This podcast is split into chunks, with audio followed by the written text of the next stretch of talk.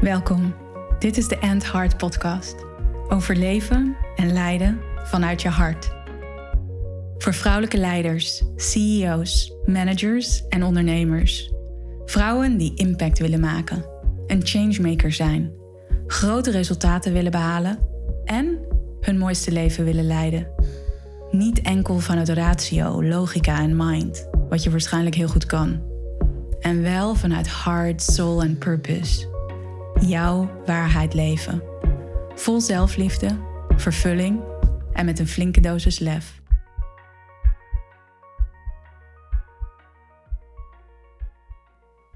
Welkom bij de End Heart podcast. Nieuwe aflevering en deze keer ben ik weer in gesprek gegaan met een inspirerende heartleader, een inspirerende vrouw. En ze heeft jarenlang een bedrijf gehad in de coachingsbusiness. Dat heeft zich verkocht en nu is ze high-end business coach. Voor mij is Katrien echt een voorbeeld van een vrouw die haar hart volgt. Ze is alleenstaand moeder. Ze is miljonair geworden op haar 45ste. En spreekt dat nu ook uit. De manier hoe zij onderneemt, hoe zij leeft, is ontzettend inspirerend. Dus luister naar dit mooie gesprek dat ik en Katrien van der Water met elkaar hadden. Ja, welkom Katrien. Fijn dat je er bent. Hi Tess. Ja, te gast in de End Heart podcast. En wij, hebben, wij hebben meteen een, uh, een mooie aanleiding om over te starten. Want ik zit nu op Ibiza. Ga over een um, kleine twee weken verhuizen. En dan worden wij een soort van buurvrouwen. Geweldig. In vogelvlucht wonen we volgens mij 500 meter bij elkaar vandaan. Ja. Een geleden kennen woonde ik in, of ik woon nog steeds in, eh, in België en jij op Mallorca. Ja. Heel fijn. Dat we elkaar live gaan zien, het is. Yes, dan gaan we elkaar zeker live zien. Maar vertel, want jij hebt dus onder andere ook een appartement op Ibiza. Ja, ja, ik, heb, uh, ik ben 46 en ik heb tien jaar in het buitenland gewoond. Van zes jaar in Nederland en drie jaar in Andalusië. En, en nee, elf jaar dus. En in totaal en twee jaar op Ibiza, in Rocalisa, dus vlakbij waar jij gaat wonen. Mm En wat heeft jou gebracht naar Ibiza?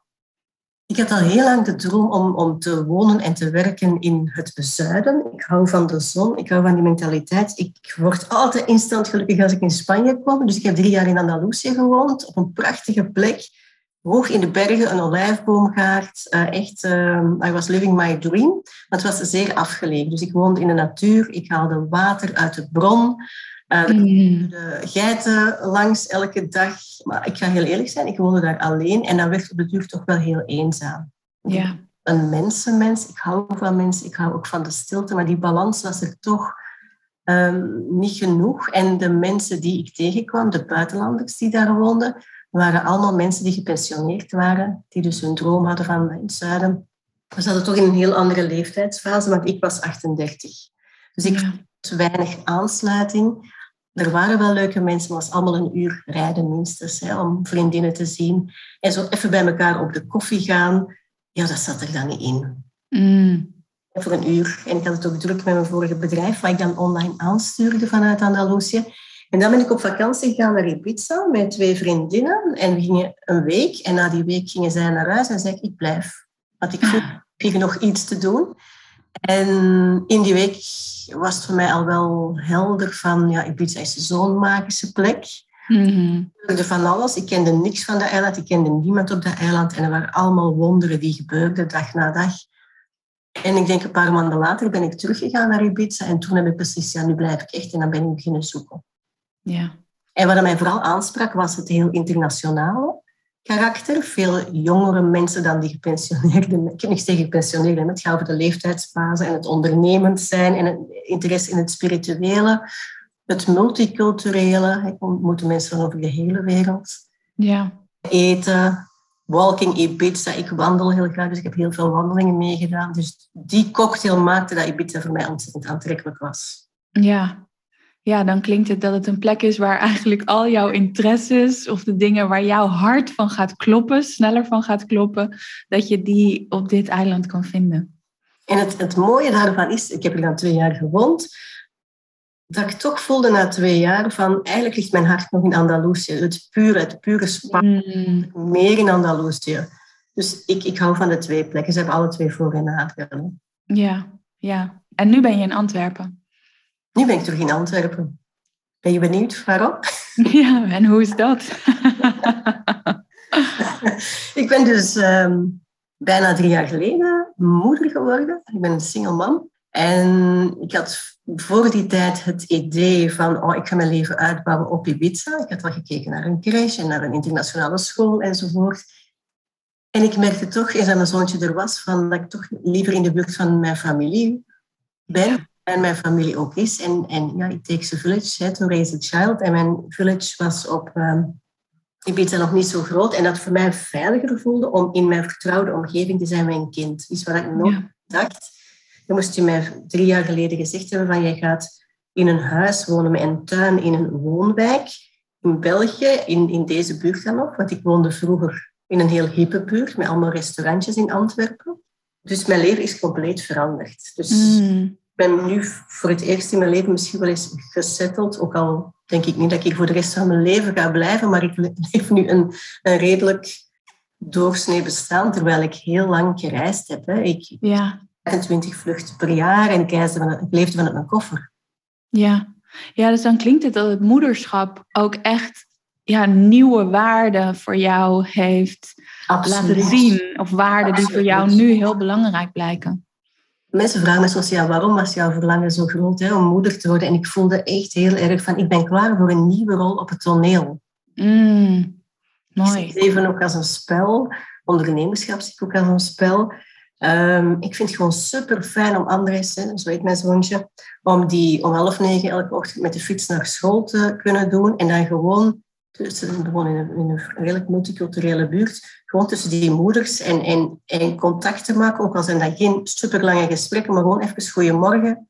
Ik had Een stuk van de maatschappij was voor mij onontgonnen terrein. Ik had er ook niks te zoeken vroeger, maar gewoon deel uit, mogen uitmaken van dat soort omgeving vind, vind, vind, ik gewoon heel fijn om te voelen wat dat met mij doet. Ja. ja, dus jij hebt nu in deze nieuwe rol ook een soort van nieuw level in het spel van het leven ontdekt. Absoluut. Ja, ik, ik ga soms af, ik spreek nu af en toe af met mama's die ik leer kennen van toen Annelies naar de crash ging of zo. Dus dat zijn ook allemaal nieuwe contacten die komen.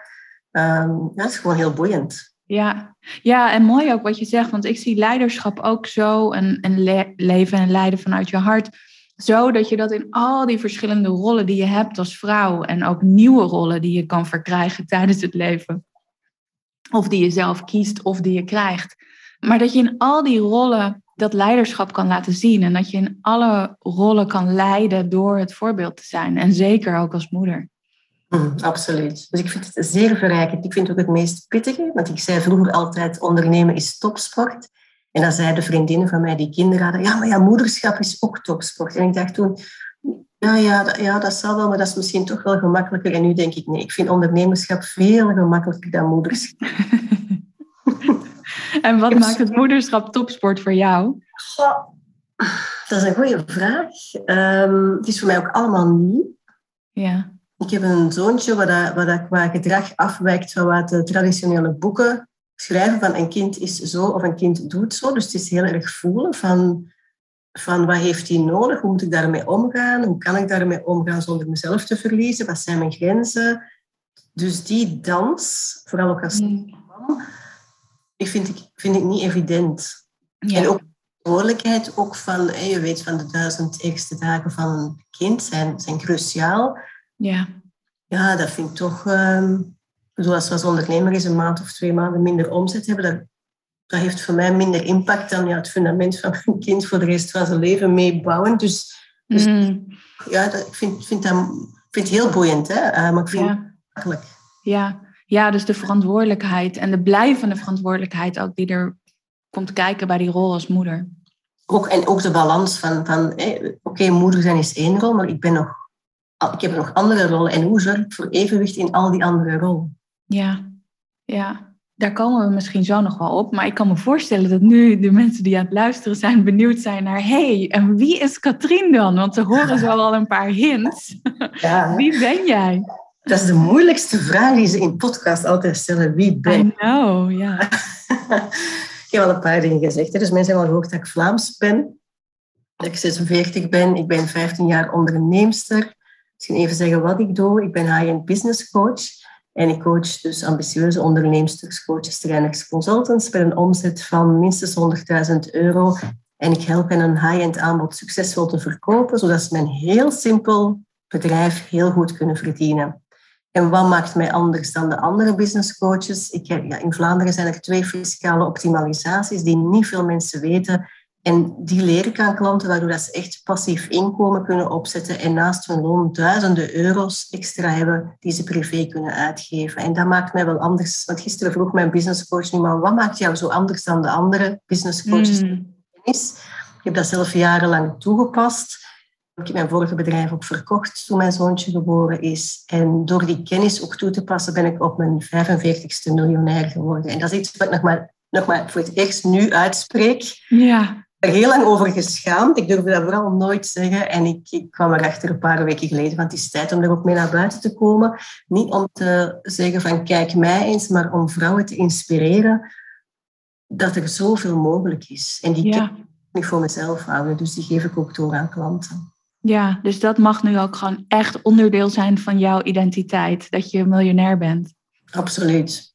Ja. Ik zeg nu absoluut, maar er zit nog schaamte op. Ik zeg het al wel, maar ik voel wel van, oh, ik vind dit toch wel heel spannend. Want ik kom niet uit een rijke familie of zo.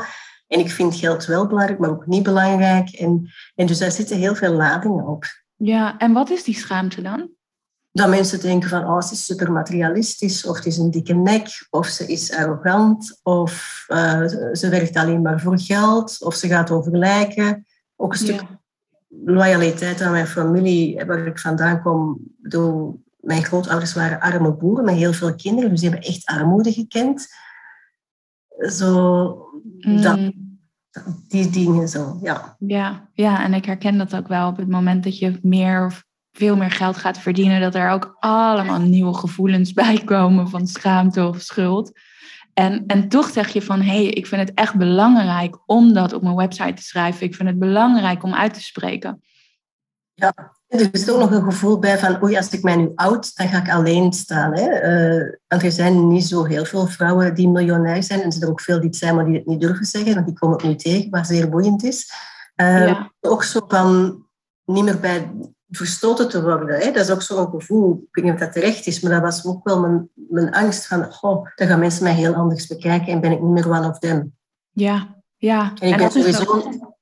en dat is ook wel een van de grootste angsten die we kennen als mens. Hè? Dat we zo die behoefte hebben om ergens bij te horen, zo die behoefte aan erkenning.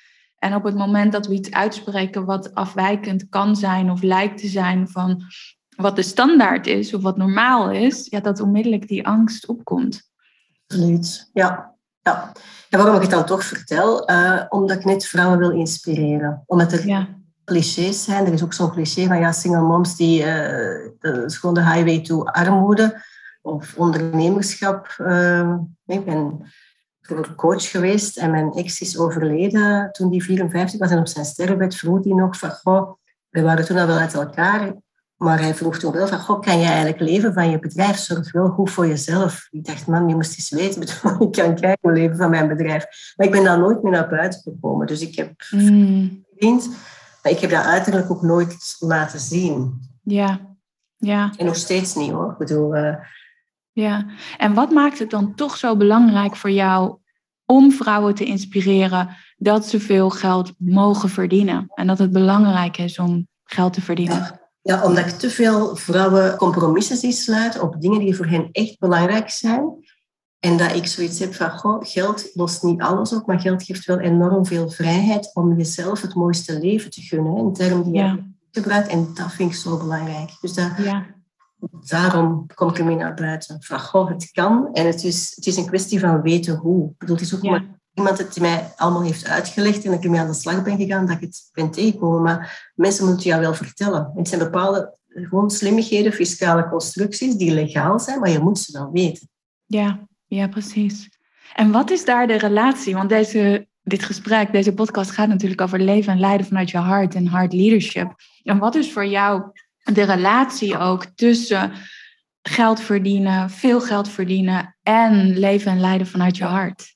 En heel blij met die vraag, want je hebt mij die vraag ook al gesteld. Hè? Zo, van wat drijft mij nu? Ik geloof echt dat wij op aarde zijn om al onze dromen te realiseren. Mm. En als ik terugkijk naar mijn eigen leven, zijn een aantal dromen, voor een aantal belangrijke dromen van mij waren wonen in het zuiden. En ik wilde niet wachten tot mijn 65. En uh, nu, ik was een miljonair, dus ik heb het gedaan op een 38. Maar wel, als je helemaal geen geld hebt, ja, kan je geen twee huizen hebben. Want ik had er eentje in Spanje en eentje in België. Dus, dus dat gaf mij wel die vrijheid om, om mijn leven nu te leven en niet te wachten tot mijn pensioen. Dus dat. En dan ook mijn kinderwens was ook zeer groot. Het heeft ook jaren gekost om die in vervulling te laten gaan. En niet alleen gekost in tijd, maar ook in geld. Dus, dus uh, en ik hoor niet mhm. vrouwen zeggen met een kinderwens van, goh, ik wil dat ook, maar ik kan het niet betalen. Ja. En dan denk ik, oh, hoe erg, hoe erg is dit? Ja. En ook, ook de vorm te kunnen kiezen die voor jou het beste past. Hè? Dus dat ik als vrouw met een kinderwens niet genoegen moest nemen met een man die passeerde op straat om, om een kind te hebben. Ik heb gekozen voor welke setting voelt voor mij, voor mij dan het zuiverste en het beste voor, voor mijn kind en ook voor mezelf. Ja. Ja, mooi wat je zegt. En dan hoor ik daar ook zo in dat het zo gaat over vrijheid en onafhankelijkheid. Dat je niet afhankelijkheid of afhankelijk bent van een ander of afhankelijk van een instantie of wat dan ook. En dat dat ook ja, een kern is van leven en leiden vanuit je hart. Vrijheid, onafhankelijkheid, kunnen doen wat je wilt, kunnen doen waar je echt van droomt. Absoluut. Ilko de Boer heeft ooit gezegd, en dat is mij altijd bijgebleven, van bijna alles is op te lossen met een financiële transactie. En toen, mm. dat is altijd bijgebleven. En in gezondheid nu niet. Hè. als je zeer ernstig ziek bent, maar dan nog zijn er wel meer mogelijkheden. Maar dat, daar zit toch iets van waarheid in. Ja. ja, daar zit absoluut een grote waarheid in. En uiteindelijk denk ik ook dat het gaat over vervulling en echt vervulling ervaren en, en kunnen ervaren en ook mogen ervaren van jezelf. En dan komen bij jezelf dat gunt. En dan komen bij, bij zelfliefde. Hè? En, en Precies. dus dat je echt, en daar vertrekt voor mij alles, ook in de high-end ondernemen. Van voor mij is dat een act of self-love. Van jezelf en je klant het beste te gunnen. Ja, ja, en we hadden het er net ook al even over, hè, voordat we eigenlijk de, de recording aanzetten. Maar dat om je hart te volgen, en wat jij ook al zei, van hoeveel dromen jij hebt waargemaakt in je leven en daar ja, gewoon vol voor bent gegaan. Dat is niet altijd gemakkelijk, die, die act of je hart volgen. Nee, nee, het vraagt moed en doorzettingsvermogen. Maar ik zeg, mijn vader vroeg bijvoorbeeld in het proces hè, rond mijn kinderwens, vroeg die, ik heb echt van alles geprobeerd, ik kan de details besparen, maar ik heb allerlei pistes, allerlei klinieken gedaan en die vroeg dan eens van, ja, maar hoe, hoe, lang ga jij nog doorgaan? Waarom stop je hier niet mee? Want hè, dat is altijd maar, oh, het is weer niet gelukt, het is weer niet gelukt. En maar hormonen nemen enzovoort. Ik zei, goh, het verlangen is gewoon te groot. Het, het mhm. zou mij meer kosten dan doorgaan. En zolang dat dat was, hè, in dat proces rond die kinderwens, mensen vragen me dat soms van, hoe, hoe komt dat je dat, dat je dat bent blijven doen? Maar als dat verlangen, als je dat zo van binnen voelt, ja. dat is geen makkelijke weg. Maar opgeven was moeilijker. Ja, en hoe merk je dan dat dat verlangen zo groot is? Wat, wat gebeurde er bij jou dat je dat voelde van, oh ja, het verlangen is echt heel groot? Ik voel dat gewoon in mijn lichaam. Ik voel dat in mijn hart. Mm. Dat was zoiets essentieel, zo echt wezenlijk. Van, er was eigenlijk, wil niet was echt geen optie. Ja. Ook al zeiden ze met mij hier in het ziekenhuis, hè, op een gegeven moment van, ja mevrouw, u bent uitbehandeld. Echt uitbehandeld? No way. En toen zei mijn business buddy, ja, zoek toch gewoon de beste kliniek ter wereld. En dan ben ik gaan zoeken van, Oké, dan ben ik gewoon internationaal eh, gegaan en dan is het wel heel snel gelukt, maar nee was geen optie. Ja, en je bent ervoor gegaan? Absoluut. Ik heb een vliegtuig gepakt naar Spanje en uh, ja, de rest is geschiedenis. Ja, en hoe is dat nu als moeder? Die, die wens, die, dat grote verlangen is in vervulling gegaan. Je hebt je hart gevolgd. Dat is heel fijn. Als ik heel eerlijk ben, dan had ik eigenlijk voordat moeder werd constant zo een sluimerend gevoel van gemis. Er was iets of iemand tekort. En bedoel, ik had een, een fijn leven. Hè. Ik had veel vrienden en ik woonde op prachtige plekken en ik was succesvol. Maar er was zo altijd een ondertoon van er is er is iets tekort. Mm. En ik moet zeggen, sinds ik moeder geworden ben, heb ik dat geen dag of geen seconde meer gevoeld. Dus dat is toch wel... Moet zeggen, moet je kind dan dienen om een leegte in te vullen? Oh, ja en nee. Dat is voor mij wel iets wat ik toch wel opmerk, dat toch wel wezenlijk anders is. Ja. ja, en ik geloof ook dat het ook kan gaan over wat ik net al eerder zei, wat we al benoemden, dat je in zoveel verschillende rollen in je leven hard leadership kan laten zien. Of op zoveel, in zoveel verschillende rollen je waarde kan vervullen of je purpose kan leven. En ik kan me heel goed voorstellen, ik heb zelf geen kinderen en wel ook een wens die er nog is om een kindje te krijgen. Omdat ik weet dat het ook een nieuwe manier is. Een, een nieuwe rol in mijn leven hoe ik meer hart in de wereld kan brengen. En dat lijkt me.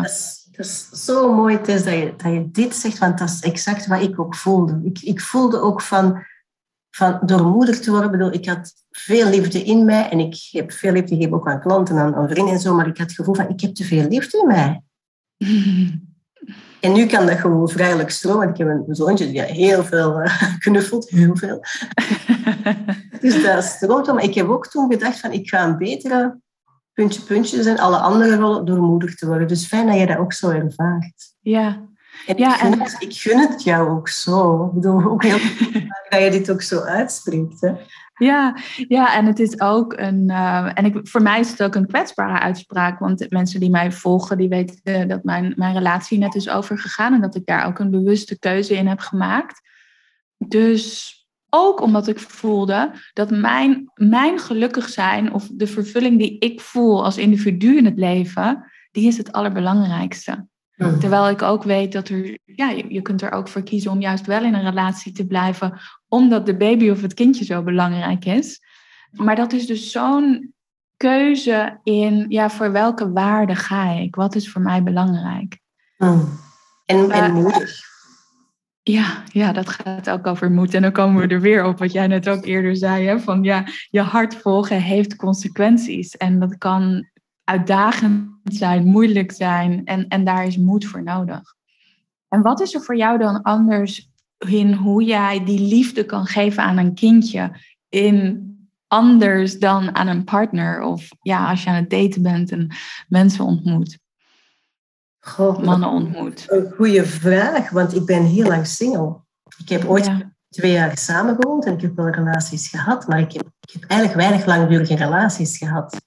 Dus ik ken dat terrein niet zo goed. Mhm. Anders dat dat is, ik kan er eigenlijk, eh, ik hoop daar binnenkort op te kunnen antwoorden. Mijn volgende, mijn volgende verlangen, hè, dus dat is mijn leven delen met een partner. Maar Ja. ik moet het antwoord schuldig blijven. Ja, dus dat is iets wat je nog verder mag ontdekken. Ja, Mooi. Mooi. En hoe zie jij, als je kijkt naar jouzelf hè, als ondernemer, onderneemster, hoe leid jij daarin vanuit je hart? hoe dat ik dat doe, ik volg mijn, mijn energie. Dus ik ga niet vanuit mijn hoofd dingen bedenken. Ik kom mezelf daar ook wel soms in tegen. Hoor. Want afgelopen week, ga ik wel eerlijk zijn, ik had een zeer ambitieus omzetdoel gesteld voor dit jaar, maar echt zeer ambitieus. Maar ik deze week ook dacht van, oh, waarom, moet ik dat nu, waarom moet ik de lat toch altijd zo hoog leggen? Hè? Want ik speel het spel op zeer hoog niveau, maar is de prijs die ik ervoor betaal nu te hoog? Want ik heb een zoontje waar drie keer in de nacht eh, mij wakker roept en dan moet ik uit mijn bed en dan hij slaapt snel terug in, maar ik slaap niet meer. Dus ik heb zeer korte nachten en ik begin dat te voelen. Dus dan, dus dan is gaan afwegen van, blijf ik dan trouw aan het doel wat ik met mijn hoofd heb gesteld of ga ik gewoon voelen, wat heb ik nu nodig? En ik heb het gedaan ik denk, ik word veel gelukkiger van eh, elke dag gaan sporten en een omzetdoel dat hetzelfde is als vorig jaar in veel minder tijd. Mijn zoontje gaat nu naar school en heeft heel veel vakantie, dus ik, moet, ik heb gewoon heel weinig tijd dat ik eh, kan werken. Wel, is dat, is dat ook niet goed. Hè? Dus dat ik daar met mezelf in dialoog ga om te, om te voelen van, ja, wat wil ik nu? Wat, kan mijn le- wat verrijkt het leven, mijn leven nu het meest? Ja. Dus dat is één aspect. En naar klanten toe, goh, kan ik zeggen, ik, ik hou gewoon echt van mijn klanten. Mm, ja. Dat is gewoon heel fijn om te voelen. Ik voel mij ook altijd heel vereerd dat, dat ik het vertrouwen krijg om met hen een stuk op pad te mogen gaan en, en ehm, hun leven zo te, bouwen en hun business zo te bouwen, zodanig dat zij echt ook eh, in overvloed van tijd en geld kunnen leven. ja, mooi dat je dat zegt. En ik herken dat ook, dat je ja, bijna liefde of verliefdheid voelt ten opzichte van je klanten. En ik weet nog, een heel aantal jaar geleden zei een coach van mij van het is zo belangrijk dat je wakker wordt en dat je een soort van liefde voelt of verliefdheid van, oh, ik ga mijn klant weer zien. En toen dacht ik, oh ja, wauw. En nu waar ik sta in mijn business en hoe ik werk met mijn klanten, denk ik, oh ja, zo is dat nu ook echt. En dat, die verbinding, zo oprecht, zo puur, daarin geloof ik ook dat je dan ook echt tot, ja, tot magie kan komen met elkaar. Dat er Absoluut. In die relatie zulke mooie dingen kunnen gebeuren, omdat er zo'n puurheid en, en support is. Hmm. Ah, mooi dat je dat ook zo voelt. Ik, ik vond dat in het begin zelfs onwennig om te voelen. Ik, ja, is het past? Mag ik dit wel? Mhm. maar dat was zo even... Want, want het is niet verliefd. Ik ben niet verliefd op mijn klanten, maar het is echt liefde. Hè? En liefde heeft Ja. zo vormen. Dus eh, Ja. Ja, en dat is denk ik misschien ook wel waar hè, het oude systeem of de oude manier van hoe je met elkaar omgaat of wat een zakelijke of een professionele relatie is, dat die ook aan het veranderen is. En dat we daarin, als het gaat over het hart, op een hele andere manier verbinding mogen maken met elkaar. Waarin er we nog onszelf ook toestaan, hè, Tess? Precies. Ja. Er is niemand die tegen ons komt zeggen, ah, maar nu, mag, nu mag het niet. We doen het ook omdat we niet anders kunnen. Ja, en hier is een belangrijke dat je niet versmelt in elkaar. En wel die, ja, die onafhankelijkheid of die gelijkwaardigheid blijft bewaren. En ook toch gelijkwaardigheid, maar toch ook leiderschap toont in die rol als coach. Hè? Ja, ja, Dus ja. een Hoe doe jij mooie- dat? Ik vind dat een hele mooie dans. Eh, door met een, op zich kan ik niet goed zeggen hoe ik dat doe, want dat, dat, dat gaat eigenlijk vanzelf. Mm. Dus ik kan dat eigenlijk niet benoemen. Ja, mooi hoe jij dat beschrijft als inderdaad een dans. En een dans die je dus natuurlijk danst. En ik hou Ja. wel voor ogen altijd van hè, waarom is die klant bij mij gekomen, waar wil die naartoe? Dus ik houd dat wel in de gaten, dat is ook mijn verantwoordelijkheid. En ja, ik heb dat pad zelf eerder bewandeld, waar dat zij naartoe willen. Dus het voelt bijna, ik heb ooit reisbegeleiding gedaan, het voelt bijna van ja, maar ik ken, ik ken, ik ken de weg en ik ga wel in de hele tijd in interactie kijken, hè, voelt het goed om het zo te doen, helpt dit jou? Dus afstemmen.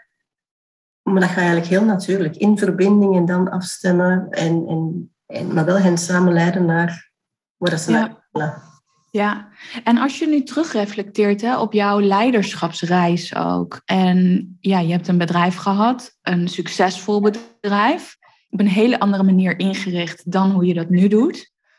Als je Misschien even, voor, de, voor de luisteraar een detail wat toch wel een groot verschil maakt in het leiden. Toen stond, moest ik in leiderschap staan. Ik had een heel team van coaches.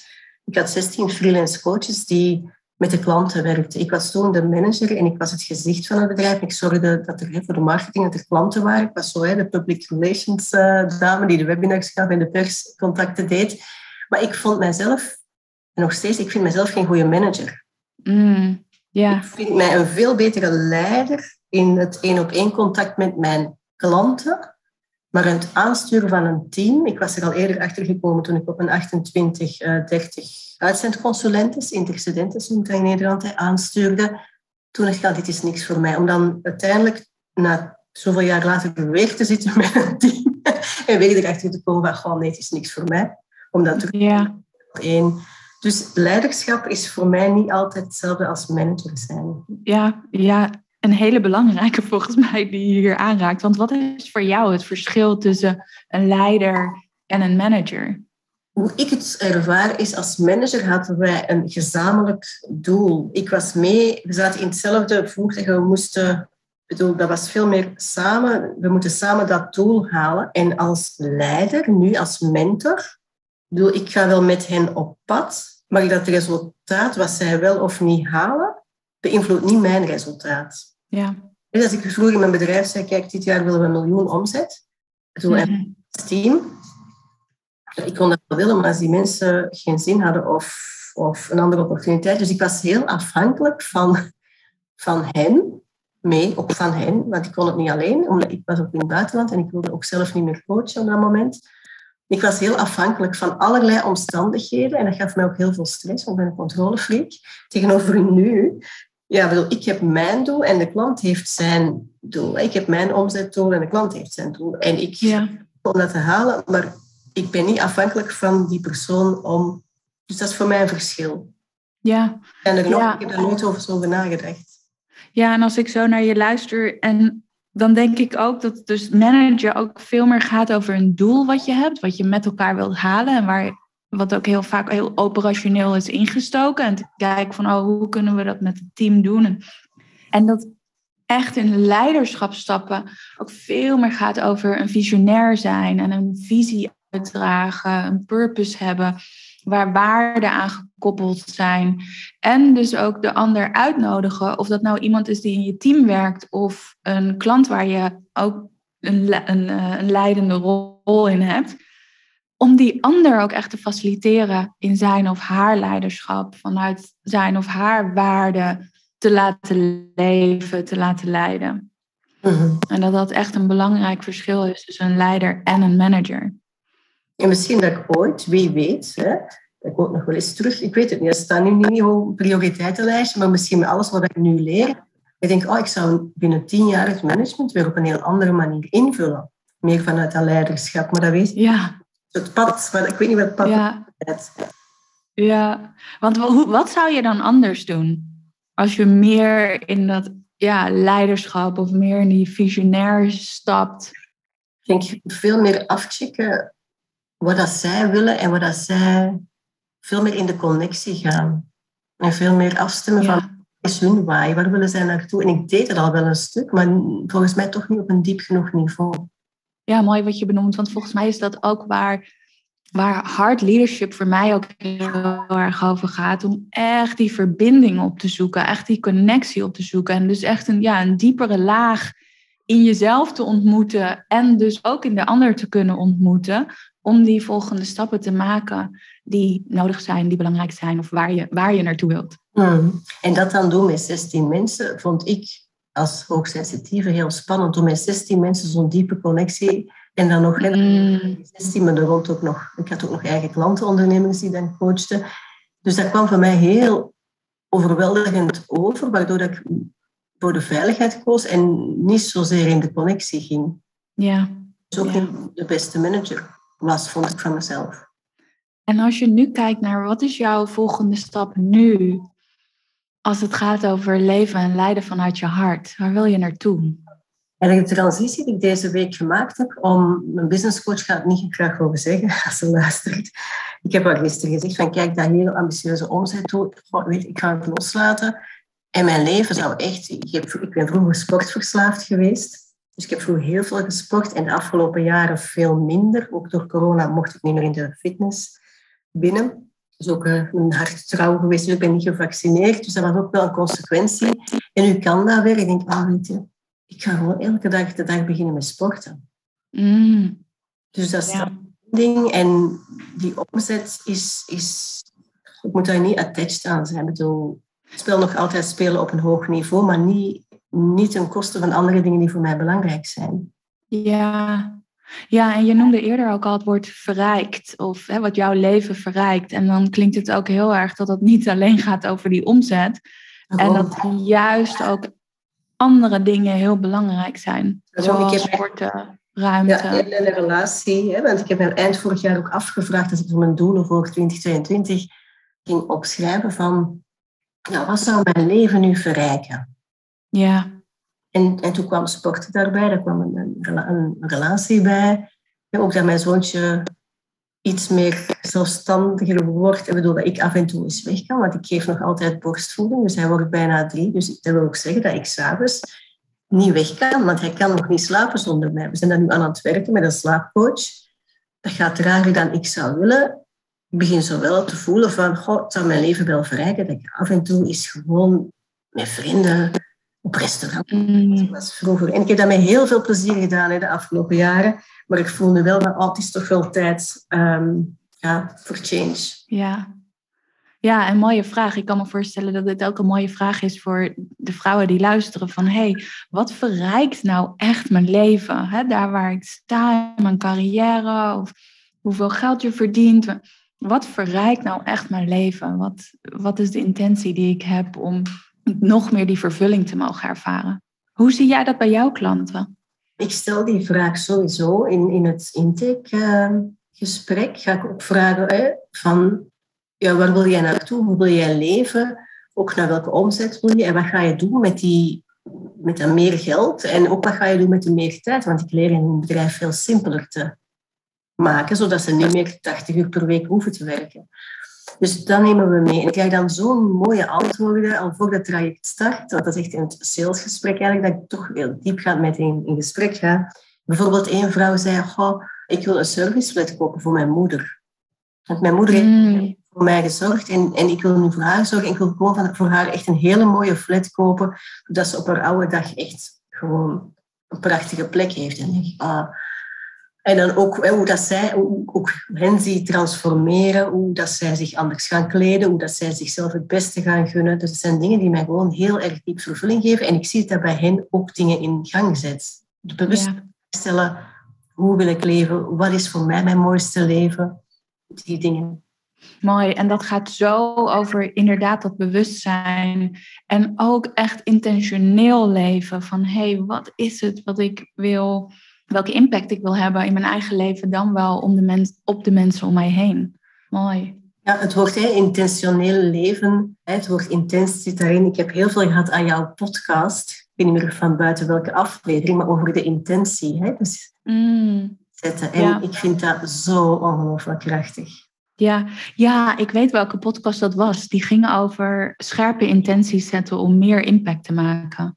Maar je hebt, het, je hebt het één keer, keer in een bepaalde podcast echt over dat thema. Je hebt het ook nog eens aangehaald in de podcast. Ik, ik luister veel naar jouw podcast. S'nachts.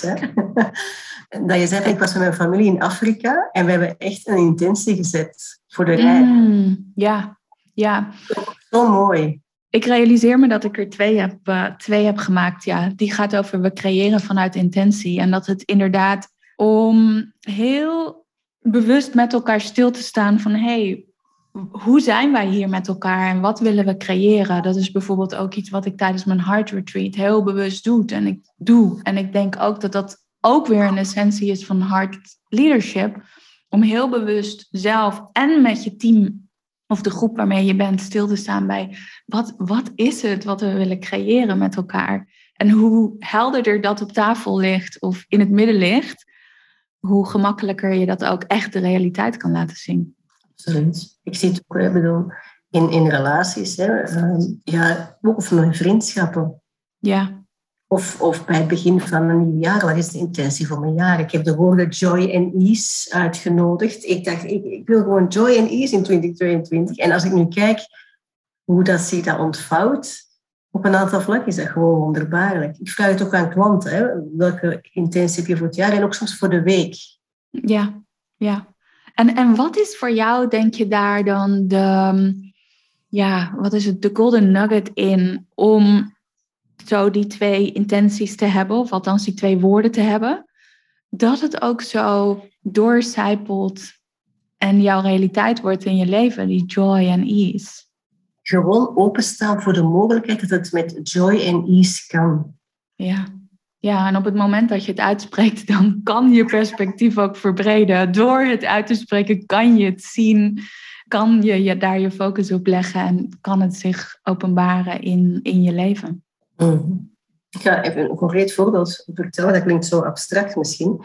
Ik heb net gezegd van ja, ik voelde van eind vorig jaar een, een, een man zou mijn leven verrijken ik hoorde, je hoorde me net zeggen, ik kan s'avonds niet weg, ik kan niet massaal gaan daten. En dan denk ik, ja, hoe, hoe, moet het dan gaan gebeuren? En ik kom ook niet heel veel buiten, maar ik dat sowieso niet. En ik, ik, ik heb niet zo heel veel sociale contacten meer in vergelijking met vroeger. Nou ja, joy and ease, ik, ik, ik gooi het in, in the universe. En ik ben eh, onlangs iemand tegengekomen, eh, gewoon in daily life. dat gebeurt nog. Dat gebeurt nog. Ik ben, ja, dat gebeurt. Ik had het ook uitgenodigd. Want op een andere manier is op dit moment niet mogelijk. Maar ik denk, oké, okay, laat het maar komen. Uh, Mooi. Toch de kracht van die intentie. Vroeger, als ik geen intentie zou zetten, zou ik denken, ja, en dan moet ik die slaaptraining doen met anderen. En dan, dat gaat dan tot april duren. En dan moet ik mij inschrijven in een datingbureau, wist al welk. En dan moeten we 20 dates gaan hebben en het, misschien dat er aan nummer 21 wel uh, de ware bij zit. Dus dan maak ik het veel met mijn hoofd bedenken. En nu was het van echt, ik wil voelen wat verrijkt mijn leven. Hoe, hoe wil ik dat? Uh, joy en ease. En oké, ja, ja. dat is het proces. Ja, het is ook mooi om naar je stem te luisteren en hoe jouw stem ook verandert wanneer je het hebt over meer die ratio kant en van oh dat wil ik en dat wil ik. Of wanneer je het hebt over die intentie en dat je stem zoveel meer voller wordt. En dat is volgens mij ook precies, en ook voor de vrouwen die luisteren, dat je ook kan merken hoe je stem klinkt als je over het een praat over, of over het ander praat. En hoe voller die stem is, hoe meer resonantie er is, hoe meer energie er is. Dat is ook wat je het universum inzendt, de wereld inzendt, het veld inzendt. En dus wat er terug mag komen. Ja. Waar ben jij dankbaar voor? Voor ontzettend veel.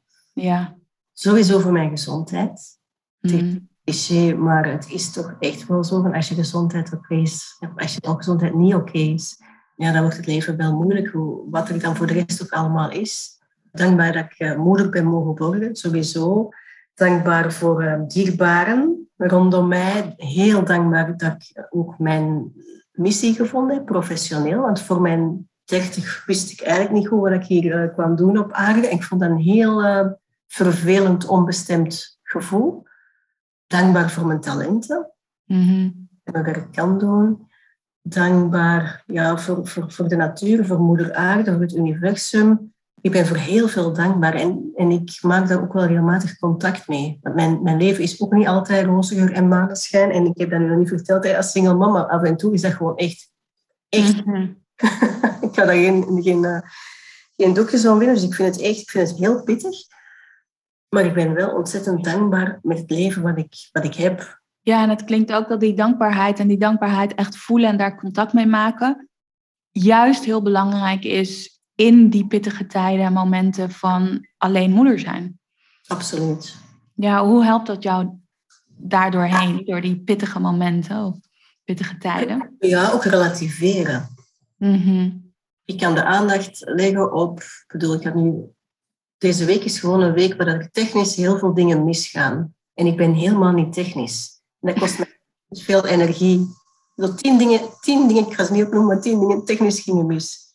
En ik had zo gehoopt van goed door te kunnen werken. En dat in combi met die, met die korte nachten, ja, dan vind ik het wel heel fijn om s'avonds even in mijn even rust pakken, naar een podcast te luisteren en, en ook tijd te maken voor waar ben ik nu dankbaar voor. Ja, dus echt even te relativeren, beide voeten weer op de vloer van oké, wat is nou belangrijk? Wat, wat is er in mijn leven waar ik echt dankbaar voor ben? Mm. Wat is nog wat jij wil meegeven aan de luisteraar? Ja, volg je dromen. Neem, neem die serieus. Ja. En, en ik weet hoe kwetsbaar dat is. Als ik mijn, ik, als nu kan ik er heel open over spreken van, oh, ik droomde van wonen in het zuiden en ik droomde van eh, moeder worden. Maar ik weet nog heel goed de, de eerste keer die dingen uitsprak, hoe kwetsbaar dat, dat voelde en hoe on, onrealistisch dat dat ook leek. Maar, maar die zitten allemaal in ons. En gun jezelf, gun jezelf de ruimte om die te gaan voelen en, en stilte en tijd alleen kan er enorm bij helpen. Alleen heeft mij er toch heel veel bij geholpen. En neem die, neem die serieus. Ja, ja wauw. Ik merk ook dat het me raakt als jij dat zo zegt. Van neem, die, neem je dromen serieus. Hè? Durf ze na te leven. Durf ze achterna te gaan. Durf ook met jezelf te zijn. En dat dat ook in essentie dus zo gaat over durf jezelf. Neem jezelf serieus. Mm, absoluut. Ik denk dat het ook wel gekleurd is. Misschien, mensen denken altijd dat ik uh, een, een, een, zorgeloos leven heb gehad, of dat ik eh, geboren ben voor het geluk, wat ik ook altijd zeg. Maar mijn moeder is overleden op haar 54 door een zelfdoding. Mhm. Dat heeft heel veel impact gehad. En ik denk dat ook da- door haar overlijden heeft mij wel nog versterkt in, ja, maak iets van je leven. En ik zeg niet dat zij er niks van gemaakt heeft, hè, bedoel, dat- maar, maar we hebben echt een keuze. Ja. Hoe heeft dat, die gebeurtenis jou dat nog meer laten realiseren? Omdat ik zo een paar maanden na die gebeurtenis echt voelde, ik sta op een kruis, op een, op een tweesplitsing. Ofwel is mijn leven nu gekleurd door deze gebeurtenis en is dat iets dat echt mijn hele leven gaat bepalen. Want ik bedoel, het was bijzonder heftig. En Mm, twee jaar nadien is mijn tante uit het leven gestapt. Dus weet, dat zijn heftige dingen. Ja. Wel zeg ik, oké, dat is deel van mijn verhaal, maar ik ben niet dat verhaal. En ik kies er bewust voor om mijn mooiste leven te gaan leven. Ja. En ik voelde van, ik, ik, ik moet nu ofwel links ofwel rechts. Ik heb Ja. voor rechts voor het mooiste leven. Wat niet wil zeggen dat die pijn van dat gemis, hè, dat die er niet mocht zijn. Ik heb daar eh, toch wel een jaar de tijd voor genomen, ook niet gewerkt toen en echt tijd genomen om te rouwen, om stil te staan, om te gaan praten met mijn grootmoeder, met vrienden van mijn moeder, om, om dat een plaats te geven. En dan gaandeweg, en toen ben ik ook ondernemer geworden in die periode, dat ik ook voelde van, goh, ik, ik functioneer niet in loondienst, ik volg mijn hart, ik heb toch niks meer te verliezen, ik ga ervoor. En toen ben ik gestart. Mooi. En ik wil één zin die jij zei, of één, één iets wat jij zei, echt nog onderlijnen. Ik, dit is mijn verhaal en ik ben niet mijn verhaal. Ik, we zijn allemaal zo attached aan onze stories. Ja, elk moment een nieuw verhaal schrijven. ja, prachtig. En zo belangrijk. Dit is mijn verhaal, ik ben niet mijn verhaal. En je kan er elk, elk moment, elke dag, elke minuut, elke seconde voor kiezen. Ik schrijf mijn verhaal. En dat is denk ik ook wel de essentie van leven en leiden vanuit je hart. Wat is dat type verlangen in mijn hart en hoe kan ik dat verhaal schrijven in lijn met wat er echt werkelijk in mijn hart leeft? Mooi. Dankjewel Katrien voor dit mooie, kwetsbare, echte gesprek over jouw leven en wat leven en leiden uit je hart voor jou betekent in je leven en je business. Mm, dankjewel, Tess. En ik kijk er naar uit om binnenkort met jou een terrasje te doen op Ibiza. Ja, dat gaan we heel snel doen, zodra dat mogelijk is. Oké, Dankjewel. tot kijk. Wil je meer weten over Katrien? Check dan even de show notes. Daar vind je een link naar haar website en een link naar haar Instagram. Mocht je nu denken, wow, ik wil ook meer lijden vanuit mijn hart, meer leven vanuit mijn hart. Check dan diezelfde show notes, want daar vind je een link naar het boeken van een match call met mij. En wie weet zie ik jou dan in mijn programma, mijn één op één programma. Lead by Heart, wat helemaal gaat over in jouw volle potentie stappen, jouw volle verlangens leven en een impact maken in deze wereld vanuit je hart. In de show notes vind je ook nog een aantal andere mooie links, zoals die naar mijn gratis meditatie of de Heart Leadership Guide. Dankjewel en tot in de volgende aflevering. Dankjewel. Ciao.